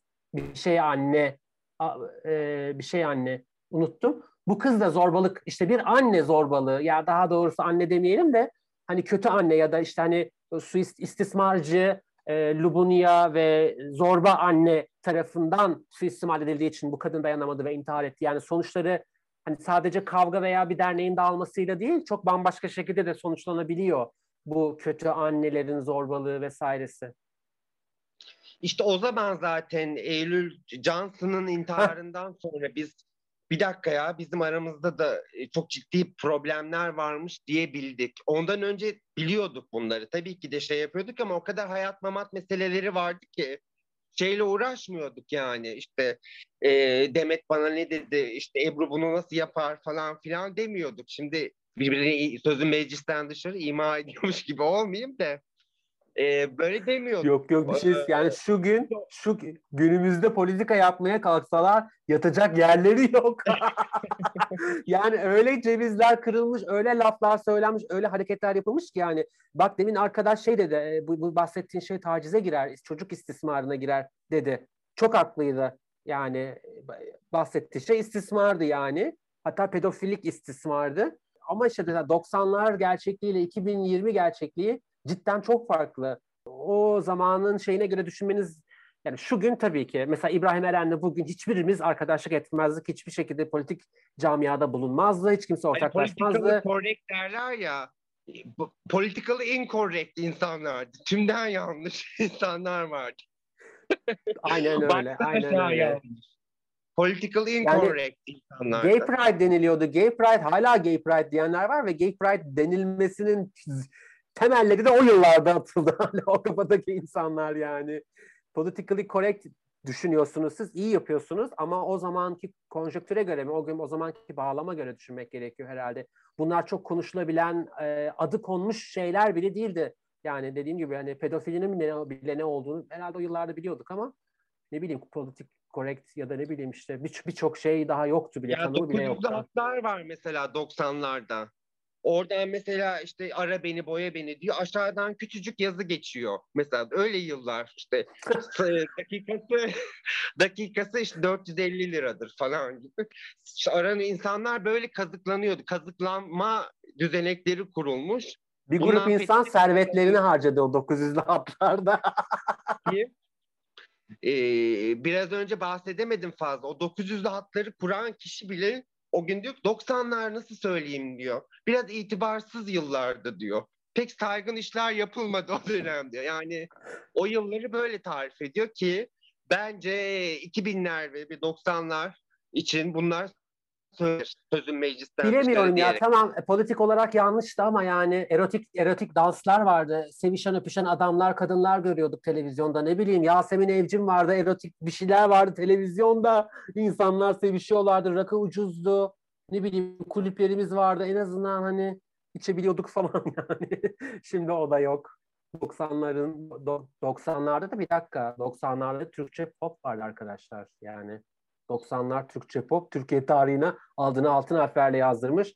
Bir jenerasyonun beynini yıkamış müziklerle şuramızı yaktı yani mesela o 90'lar Türkçe Ama pop. işte seküler iktidarların da uyuşturucusu şey. Yukarıdan magazini, pop müziği şeyi basıyorlar. Toplum çıldırmasın. Savaş var şey.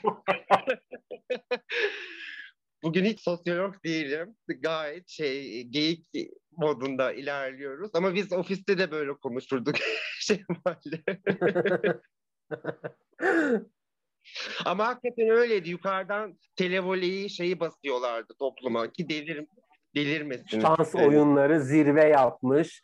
Gazeteler kuponlarla neredeyse araba veriyor, ev veriyor. 16 tane mekan vardı demişti Şevval o zamanlar. Şimdi şu an bakıldığında işte yakın zamanda bir nefes alabildiğimiz ana hit vardı. İşte kapandı ve aslında şu dönemlerde çok daha az işte sosyalleşme gibi tarzların sosyalleşebileceği alanlar var. Şimdi o dönemden bu döneme e, bu işte eğlenmek için, sosyalleşmek için olan ya daha doğrusu 90'larda nerelerde sosyalleşiliyordu? En işte fame, en bilinen, en meşhur yerler ve mekanları sormak istiyorum ben aslında. Ve o zamandan bu zamana kadar sanki bu durumda biraz eksilme meydana geldi. Yani sanki acaba ben şey Sanki ya tabii ki de o zamanlar daha iyiydi ve neden ya o zamanki ayakta kalma dinamiği e, şey o zamanlarda çok karanlıktı. Mesela diyorum 80'lerde de, de konuştuk bu sosyalleşme ve gece bar muhabbetlerini. Şimdi hiç ayakta kalamıyor. Yani bu bunu sadece tabii ki de ekonomik kriz gibi vesaire birçok yapısal faktör var. Neden ya bu değişimi biraz yorumlamak istiyorum. E, sektördeki özellikle eğlence sektöründeki ve hani bu konu hakkındaki fikirlerinizi merak ediyorum aslında. Ya bence zaman zamana yenildi. Ee, benim bahsettiğim 16 tane trans kadın kulübü dediğim kulüpler seks işçiliği yapılan kulüplerdi. Ve bir para dönüyordu orada ve seks işçiliği 90'larda 80'lerde para getiren bir meslekti. Ben ülkerdeyken cep telefonu çıktı.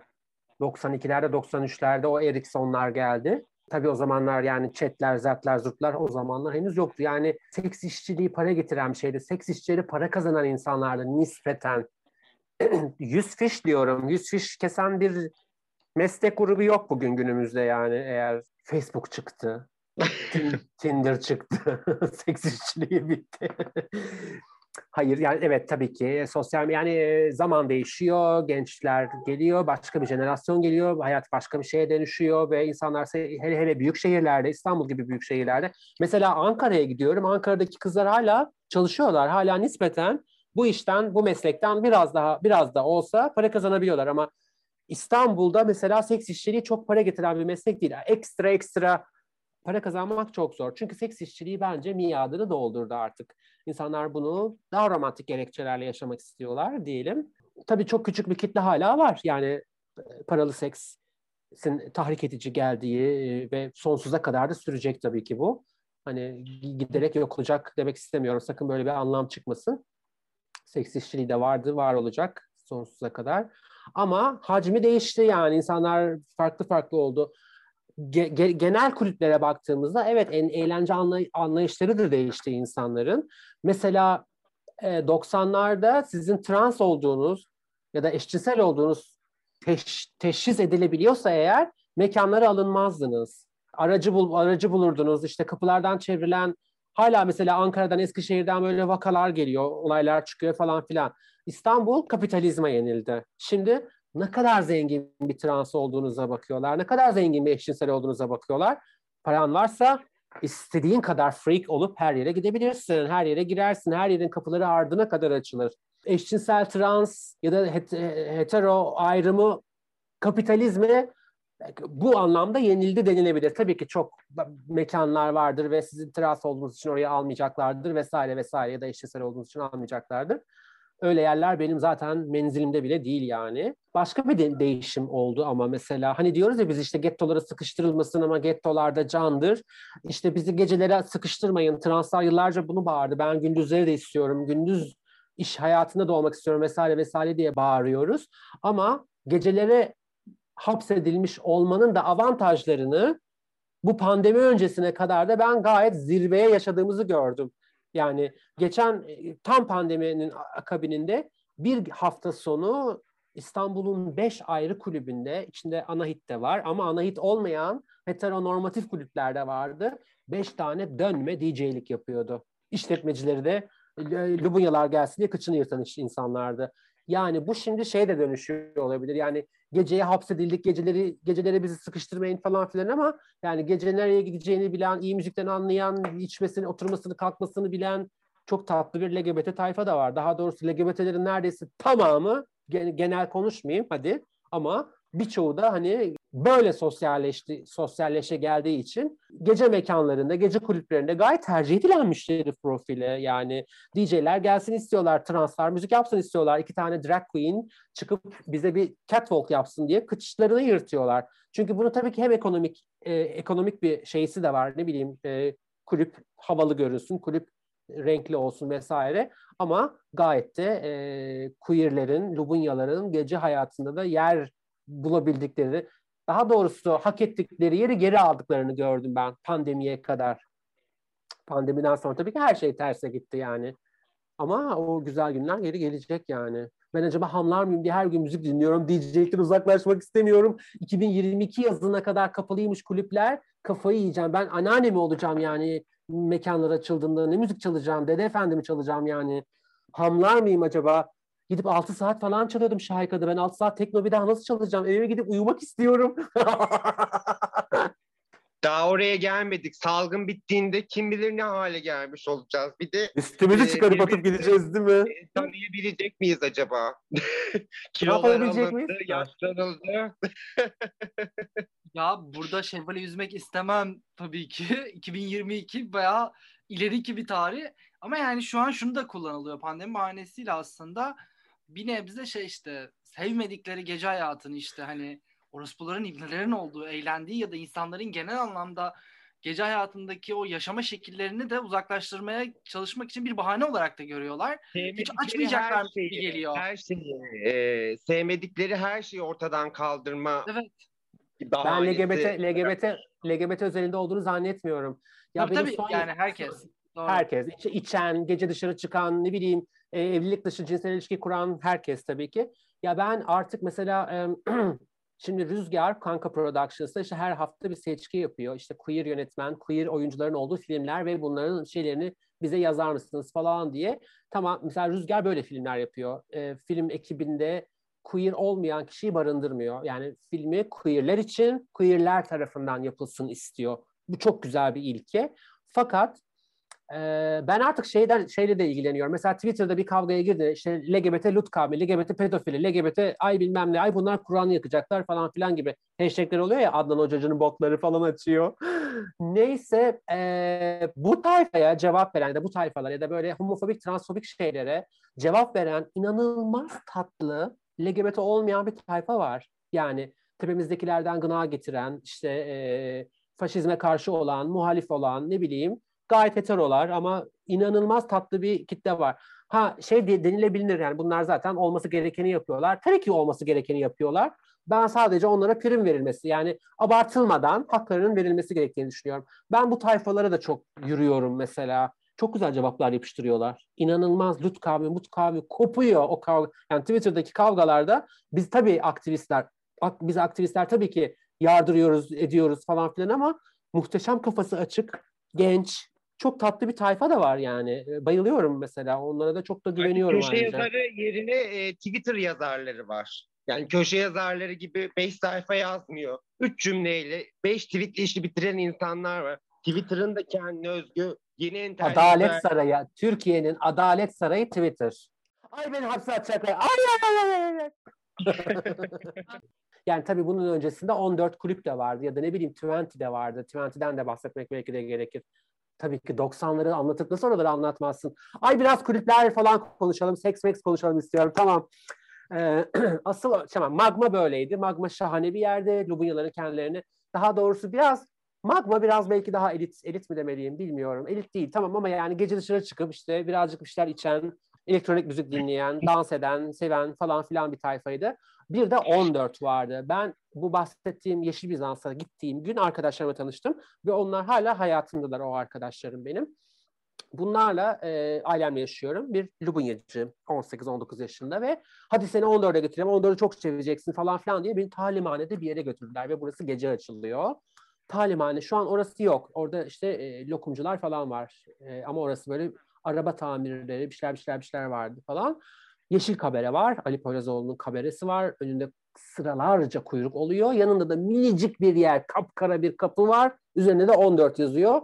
Ve kapı büyüklüğünde bir adam var kapıda böyle sana tepeden bakıyor.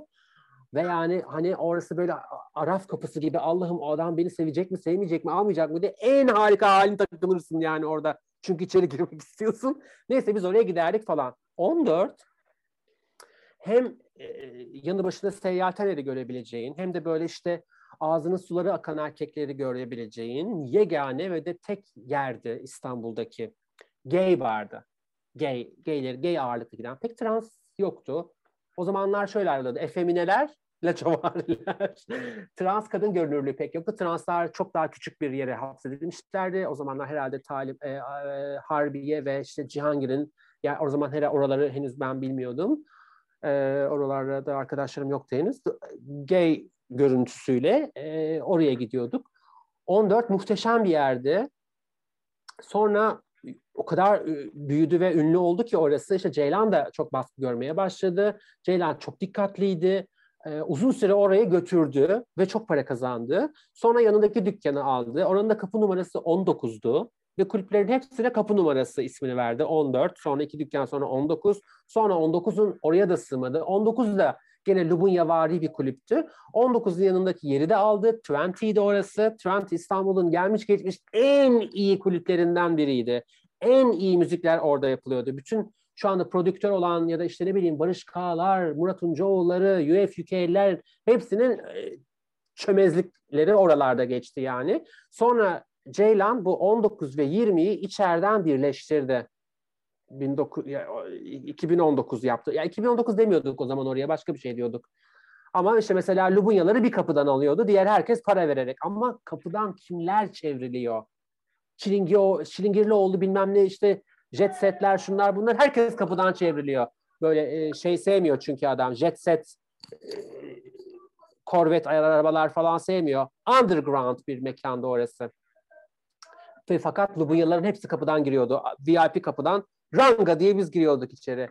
Çok eğlendiğim, çok çok çok çok eğlendiğim yerde. Bu kulüplerde sonra çok büyüyüp e, Ceylan tabii parayı kırdı. Sonra kalktı gitti Levent'te sanayi sitesinde bir yerdeki bir araba mezarlığını satın aldı. Bir şeyler yaptı ve oraya dünyanın en iyi kulübünü açtı 2019'u. 2019 galiba sadece iki sene açık kalabildi ama tarih yazdı.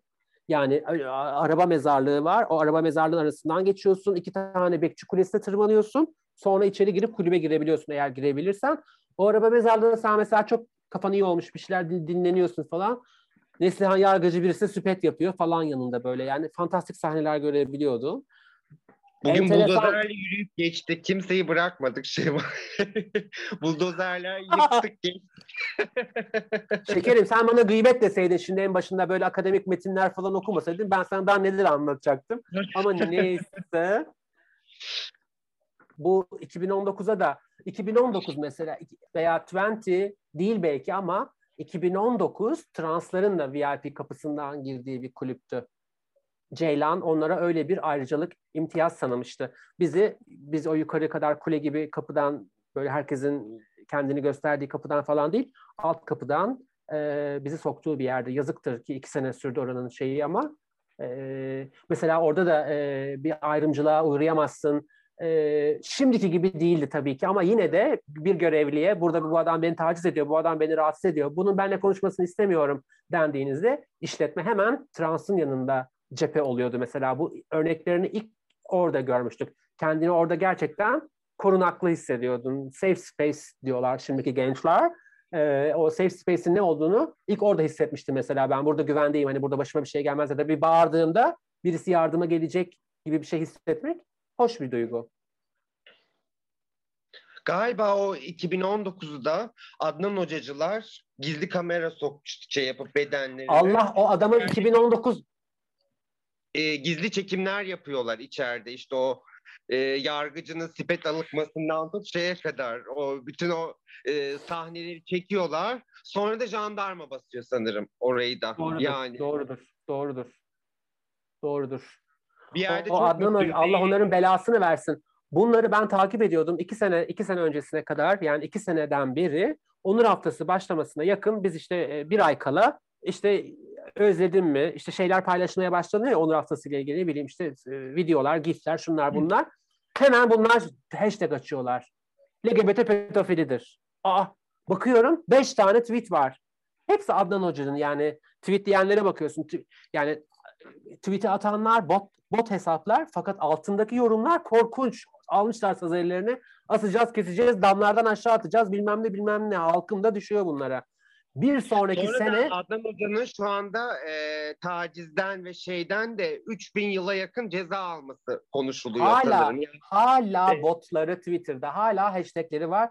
Biz örgüt değil kardeşiz. Böyle bak fantastik şeyler görürsen Türkiye sıralamasına bir tanesi hep Adnan Hocacı yani. Bir tane her gün bir tanesi giriyor Türkiye gündemine. İki sene evvel falan Kur'an-ı Kerim'i gökkuşağına boyamışlar. Onu paylaştılar. LGBT bunu istiyor diye. Yani Ama işte e, taciz ve şeyden de içeri gir, gi- şey yapanlar asıl e, pedofiliden şeyde içeriye gir- girecek olan da Adnan Hoca aslında. Yani açılsalar, açılsalar deseler ki tamam biz din soslu seks kaltıyız deseler tarihe geçecekler. Hala yok işte hak hukuk zart zurt burt tut diyor geri zekalılar. Açık açık söyleyin ayol. Açılın ayol. Açılın. Biz orjiler morjiler yapıyoruz. Falan filan o kadınların hali nedir öyle hep hipnotize olmuş gibi o adam o çirkin adamı alkışlıyorlar yani neyse şey ableist oldum özür dilerim biraz ama Adnan Hoca bu yani ay punk'ın mı sloganıydı? Seks, uyuşturucu ve rock'n'roll. Onun şey yorumular. e, tarikat versiyonu delebilir. çok şanslarını çok fazla zorluyorlar. Yani sür git her günde yalan iftira örgütlenemez. Bunun bir sonu gelecek yani. Yalanı ayakta tutmak Hı için de 40 tane yalan söylemen lazım. Emini dedik, tahakküm dedik, artık tahakküm ve iktidar dedik. Çünkü iktidar alanlarını kaybediyorlar. Feministlere karşı, kadınlara karşı eee köpürtülen bu nefretin sebebinin altında da bu alanı kaybediyoruz. İstediğimiz gibi asıp kesemeyeceğiz. İstanbul bu LGBT'yi bu kadar köpürtmelerinin bu aralar e, işte e, terör terörle eş değer tutmaya çalışmaların altında da varacakları yer İstanbul Sözleşmesi. İstedikleri İstanbul Sözleşmesi'ne şeyden yani bir şekilde bunu yapacaklar zaten de yani hani şey topluyorlar buradan done pardon done topluyorlar donelerini çoğaltıyorlar ki aslında temelde İstanbul Sözleşme, Sözleşme, Sözleşmesi'ni uçursunlar. Çünkü İstanbul Sözleşmesi çok önemli. Çünkü İstanbul Sözleşmesi kadın kadına şiddet uygulandığında örneğin kadına e, ev içi şiddet uygulandığında birisine adamı sokağa atıyor. Adam adam bu devlet bunu istemiyor. Adamlar bunu istemiyor. Koca bir tayfa var e, Twitter'da. e, İstanbul Sözleşmesi iptal edilsin falan diyen kitleler var yani hepsi de tabii ki erkek tahmin edebileceğiniz gibi vesaire. E, LGBT'nin de e, bence hak hukuk biraz da şey ya e, bu ay bir tane dizide gördüm bunu size de söyleyeyim. Bu bir siyahla beyaz arasında geçen bir e, kavgaydı. Diyor ki siz diyor o kadar alışmışsınız ki ayrıcalıklı olduğunuzu hissetmeye ve güçlü pozisyonda olduğunuzu o kadar inandırılmışsınız ki diyor. Birisi sizinle eşitlendi, eşitlenme talebiyle size geldiğinizde dengenizi kaybediyorsunuz diyor. Bu hınç buradan geliyor diyor. Biraz da böyle. LGBT bugün hiç olmadığı kadar görünür ve hakkını talep ediyor. Sen eşitsen ben de eşitim. Ev alanında da, eğitimde de, işte de, şurada da, burada da, askere de gideceğim. İstemezsem de gitmeyeceğim vesaire vesaire diyor. Bu sancı bunun da sancısı. Seni onunla eşit görmek istemiyor. Kendisiyle eşit görmek istemiyor. Çünkü bu sefer kendi ayrıcalığını, kendi kendini üstün görüyordu bu zavallı canlılar. Şimdi kendisini o kadar üstün göremeyecek, o kadar ayrıcalıklı biricik göremeyecek bu adamcıklar. Bu adamcıklar Türkleri uğruna düğünler yapılmış bir cumhuriyetten, ülkeden bahsediyoruz. Congora, congora, congora, congora mahallelerce gümbürtü kopartılıp bu adamın çükü var diye kutlamalar yapılmış bu adam. Bu adam 25 yaşına gelince o çükünün hiçbir işe yaramadığını görünce panikliyor. Ben yine çükten gittim. Ableist mi oldum, şey mi oldum? Ay gene Hadi iptal... arkadaşlar sokaklara çıkıyoruz. Şevval'in arkasını dilelim. Çükleri çok seviyoruz. Çüklerle ve taşaklarla ilgili hiçbir sorunum yok ama orada metaforik bir şey anlatmaya çalıştım. O çük o çük. Ona göre. Ay, Tamam, geri musunuz? Onur haftası, Onur haftası metni yazıyoruz. İşte Onur haftası metni yazılıyor. Onur haftası etkinlikleri şey açıklanıyor. Program açıklanıyor. Tamam mı? Broşür yapılıyor. Ay o broşür ne ne zor hazırlanıyordu. Allah'ım Boysancım, Zeliş'im Allah'ım sizi çok öpüyorum. Saatlerce broşür katladığımız, ellerimizi parçaladığımızı hatırlıyorum. Onları katlayacağız. 8'li mi katlanıyor, 16 mı katlanıyor? Lanet olsun o broşürlere. Neyse program hazırlanıyor falan filan. Programı yayınlıyoruz. İşte dop dolu program işte. Şunlar konuşacak, bunlara gidecek, şu mekanda var, toplantı burada var falan filan. LGBT'ler sağlık haklarını bir işte hir ay işte kadın cinselliği her şeyi yazmışız. Program, program, program, etkinlik, etkinlik, etkinlik. Ertesi gün Akit haber yapıyor. Bizim Yıldız Tar haberini yapıyor bu programın. Kaos'tan. Diyor ki işte İstanbul Onur Haftası programı açıklandı. LGBT'ler şuna şuna tartışacak. Akit Yıldız'ın yazısını alıyor, komple alıyor. Olduğu gibi LGBT yerine sapkın yazıyor. Sapkınlar 13 Şubat şurada şurada lezbiyenliği bilmem ne konuşacaklar. Sapkınlar boy, şurada şurada şurada toplantıyı bilmem ne yapıp bunu yapacaklar. Sapkınlar sapkınlıklarını bilmem ne bilmem ne bilmem ne. Ajanlar var. Her tarafta ajanlar var. Ben bunlara artık şaşırmıyorum. Gayet bu işin oturup kafasını yani buna harcayan insanlar var vaktini yani. Biz politik doğrucu olarak devam ediyoruz. Mesela Onur Haftası Türkiye'de sanıyorum başka böyle yapı yok. Otonom hala otonom yapısını koruyup açık çağrı yapıp o çağrıya cevap verenlerle yürüyen e, başka bir görünmez elin iktidarın olmadığı e, o sene katılan gönüllülerle yürüyen bir organizasyon. Bunun tabii bazı dezavantajları oluyor. Mesela çok açıklar, çok saldırıya çok şeyler açıklar, e, suistim, istismara çok açıklar vesaire vesaire. Yani e, bu da bunun yan tesisi, yan etkisi diyelim. Hani Mesela şey de denmişti. 8 Mart'ın hemen ertesinde ezanı ıslıkladılar diye bir şey çıkarttılar mesela. Ama oradan da istediği dinamiği yaratamadılar. Sadece bir cübbeli, sarıklı bir grup mis sokakta şöyle bir yürür gibi yaptılar ama hem onlar da bir utandılar gibi hem polis bu sefer e, şey biraz e, sert bir uyarı yapınca hepsi çil yavrusu gibi kaçtılar. O istediği dinamiği aslında yaratamıyor. Ancak Akit gibi çok meczupların e, okuduğu inanıyordur. Yüzde beş, yüzde on bir kitle de var maalesef. Onlar hep olacak. Trump'ı seçen de bir yüzde yirmi, yüzde otuz bir şey var. Öl de ölelim, vur de vuralım, kongreyi basalım diyen bir e, şey var, e, bir kitle var maalesef. Bizi takipte kalın. Ee, çok teşekkürler katıldığınız için. Ee, arayın e, bizi, ee, öptük sizi sizi, çok özledik, deli gibi diyoruz. Hepinizi öpüyoruz. Ee, Şevval çok teşekkür ediyoruz.